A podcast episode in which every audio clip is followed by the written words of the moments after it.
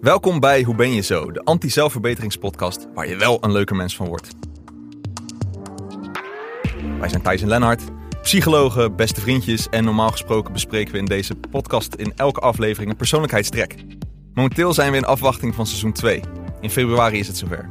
Dan komen we met een nieuw seizoen om je persoonlijkheid nog beter te begrijpen. Maar in de tussentijd beantwoorden we hier steeds een van jullie prangende luisteraarsvragen. Waarvan we er heel veel hebben binnengekregen. Dus dat vinden we heel leuk. Dus dankjewel. Ja, Um, dus luisteraarsvraag. Dat, ja, Ja. Zal ik hem maar gewoon oplezen? Want Het het zijn is best- lange dit, Het is hè? best een lange vraag, maar het is wel een hele goede vraag. nou, let's go. Hallo Thijs en Lennart. Ik ben net begonnen met luisteren naar jullie podcast en ik vind het nu al super interessant. Ik heb een vraag voor jullie. In de eerste aflevering werd gezegd dat in de huidige maatschappij persoonlijkheidseigenschappen als extraversie, assertiviteit, openheid, etc. ehm, naar verhouding extra veel waardering krijgen. Tegelijkertijd zeggen jullie dat de meeste mensen niet zo zijn en dat dat oké is en je jezelf niet moet willen veranderen. Toch is dat een last- lastige boodschap als je, zoals ik, sollicitatie op sollicitatie wordt afgewezen, omdat ik niet pas aan het plaatje van de spontane, sterke en eloquente persoon die ze voor een functie zoeken. Tegenwoordig vraagt men voor bijna iedere functie waarin je contact hebt met mensen om goede communicatieve vaardigheden of verbaal sterk zijn.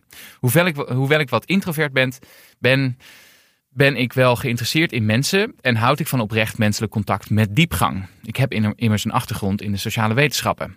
Ik zit nu echter in een kantoorbaan waarin iedere dag hetzelfde is en waarin ik iedere dag gemiddeld 10 minuten menselijk contact via een beeldscherm heb.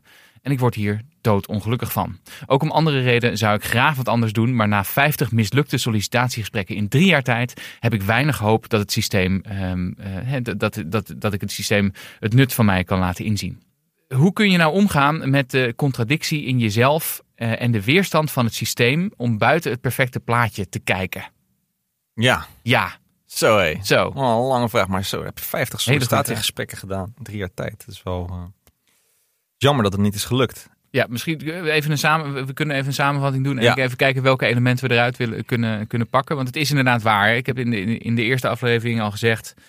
We bouwen steeds meer een maatschappij waarin bepaalde persoonlijkheidstrekken erg gewaardeerd worden en andere niet. Bijvoorbeeld extraversie, of je een beetje sociaal bent, of je een beetje leuk kan, kan lullen. Precies. Ehm, Neuroticisme laag neuroticisme, vinden, ja. vinden, vinden, vinden, wordt vaak Precies, stressbestendigheid. Ja, dat je, dat je niet onzeker bent. eh, Precies. dat je, dus dat, dat, we hebben een soort ideaalbeeld. Ja. En, en de luisteraar, namelijk Jolien, loopt daar tegenaan. Ja. Eh, dat ze niet helemaal in dat plaatje past.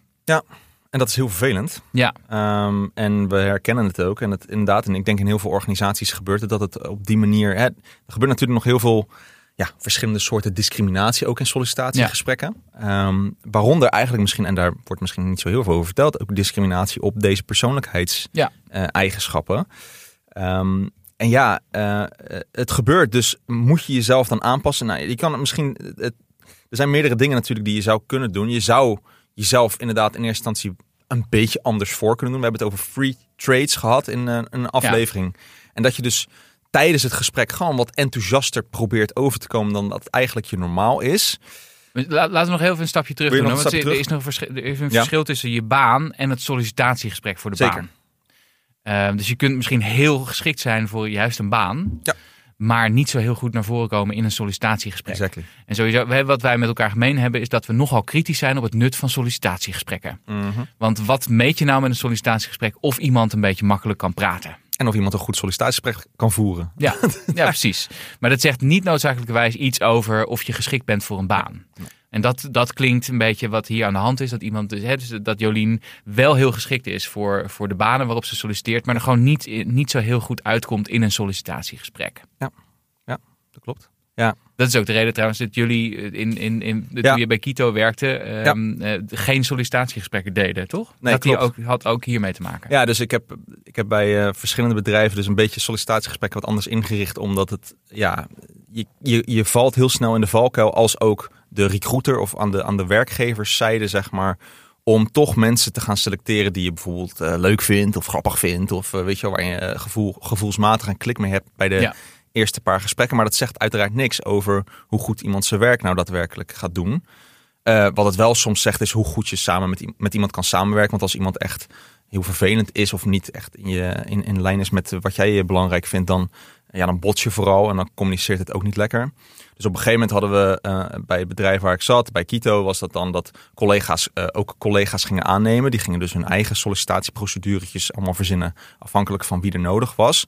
Werd er vaak ook meer testjes gedaan van probeer dit werk eens uit en dan pas gaan we je uitnodigen om te kijken of je ook nog een beetje bij ons en onze cultuur past.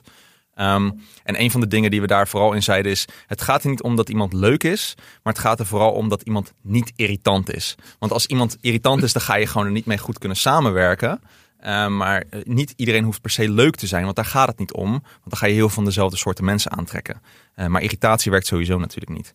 Uh, dus dat was één ding wat we deden. We hebben toen nog een, een, experiment gedaan waarbij collega's zichzelf mochten aannemen.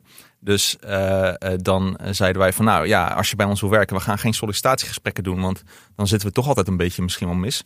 Dus jij moet je eigen, ja, je moet zelf uh, naar voren komen en je mag alles vragen en alles weten wat je wil weten over de organisatie. Dus ook hoeveel we verdienen, hoeveel geld er op de bankrekening is, of er überhaupt klanten zijn. En dan mag je je eigen contract opstellen. Met je eigen voorwaarden en je eigen salarisideeën. en wij tekenen blind. En dan zien we wel wat je gaat doen als je bij ons bent. Maar weet wel dat als je een Ferrari op je contract zet, die krijg je dan ook. Eh, maar ja, als we na de eerste maand toch geen geld hebben om te betalen, dan gaan we wel met elkaar om tafel om te kijken hoe we dat nou gaan fixen. Dus je moet ook wel zorgen dat er dan een bepaalde hoeveelheid geld binnenkomt om die Ferrari te betalen. Uh, en zoek het dan maar lekker uit eigenlijk, is een beetje het idee. Dus dat was zo'n experiment dat jullie hebben opgezet. Ik neem aan dat jullie daarvoor misschien wel met sollicitaties ja, werkten. Zeker. Was er een verschil in wat voor types je aannam? Ja, of ja, niet aannam, maar hè, dus die, die, die uiteindelijk bij je kwamen werken. Ja, ja dus de, we, we kregen zeker bij die laatste kregen we meer de ondernemende types. En dat was ook een beetje wat we zochten. Dat, dat was bij onze cultuur dan ook wel. Paste dat omdat we dus heel erg veel vrij lieten. Dus dan heb je ook wat ondernemendere types nodig. Die ook zelf de verantwoordelijkheid pakken om iets voor elkaar te krijgen. En ook heel realistisch naar alles kijken. De grap was dus dat de eerste die zichzelf aannam, die gaf zichzelf minimumloon.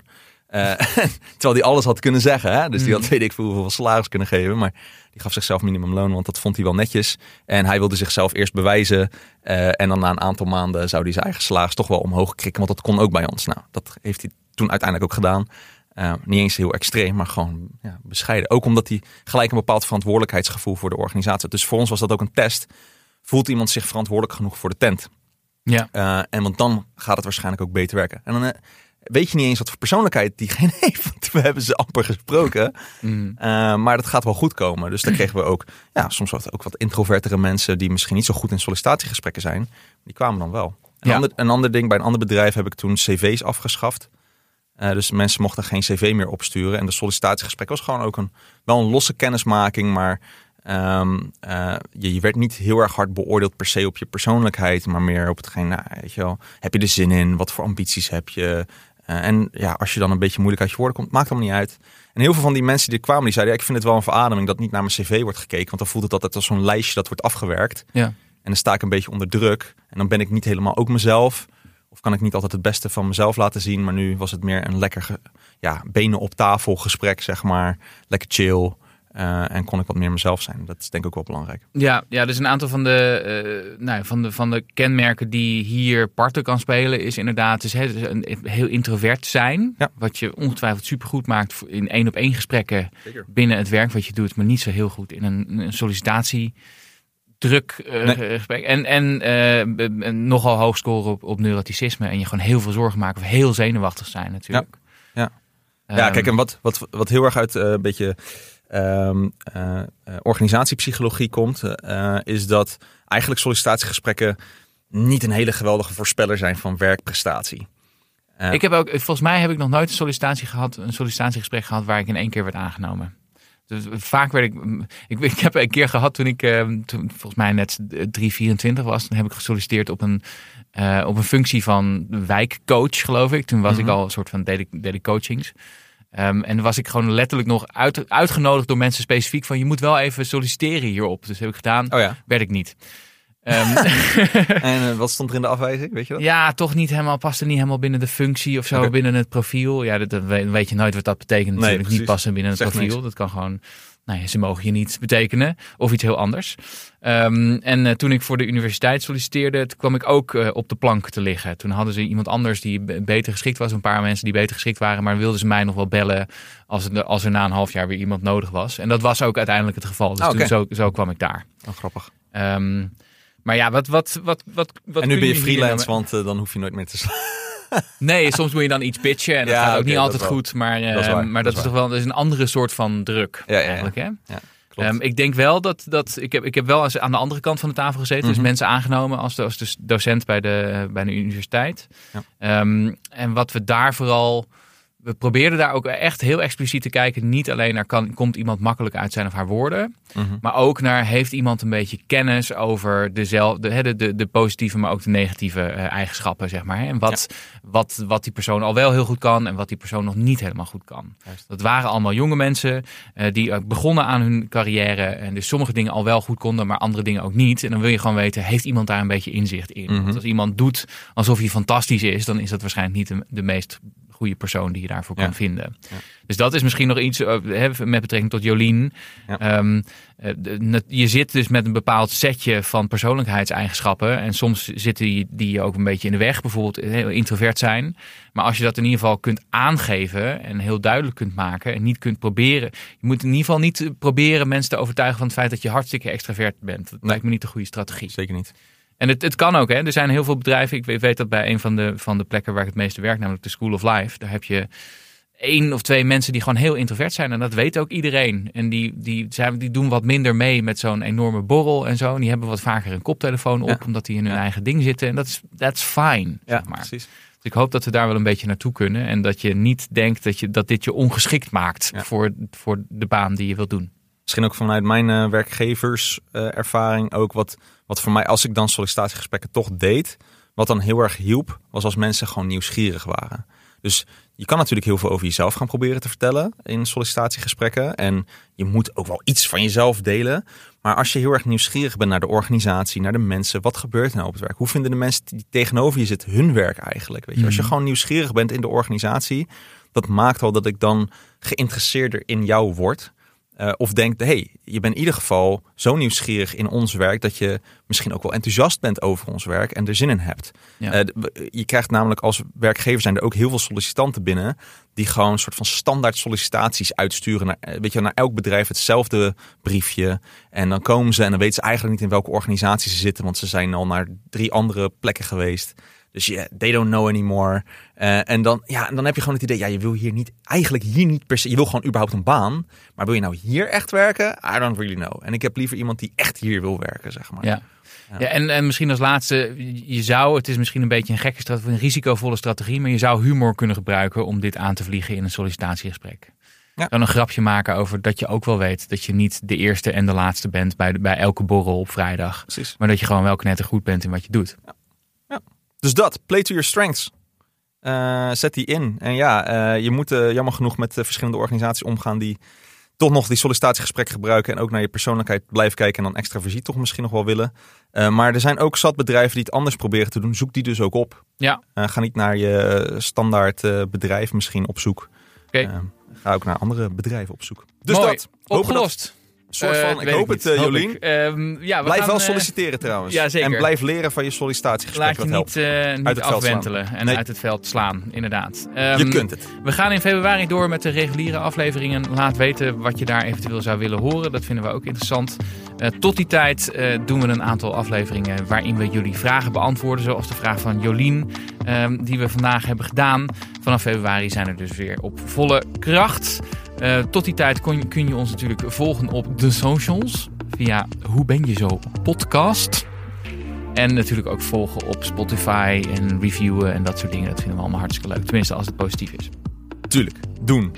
Vijf sterren, tien sterren, al die sterren. Gooi ze erin. Houdoe. leuk dat jullie luisteren. Toedels.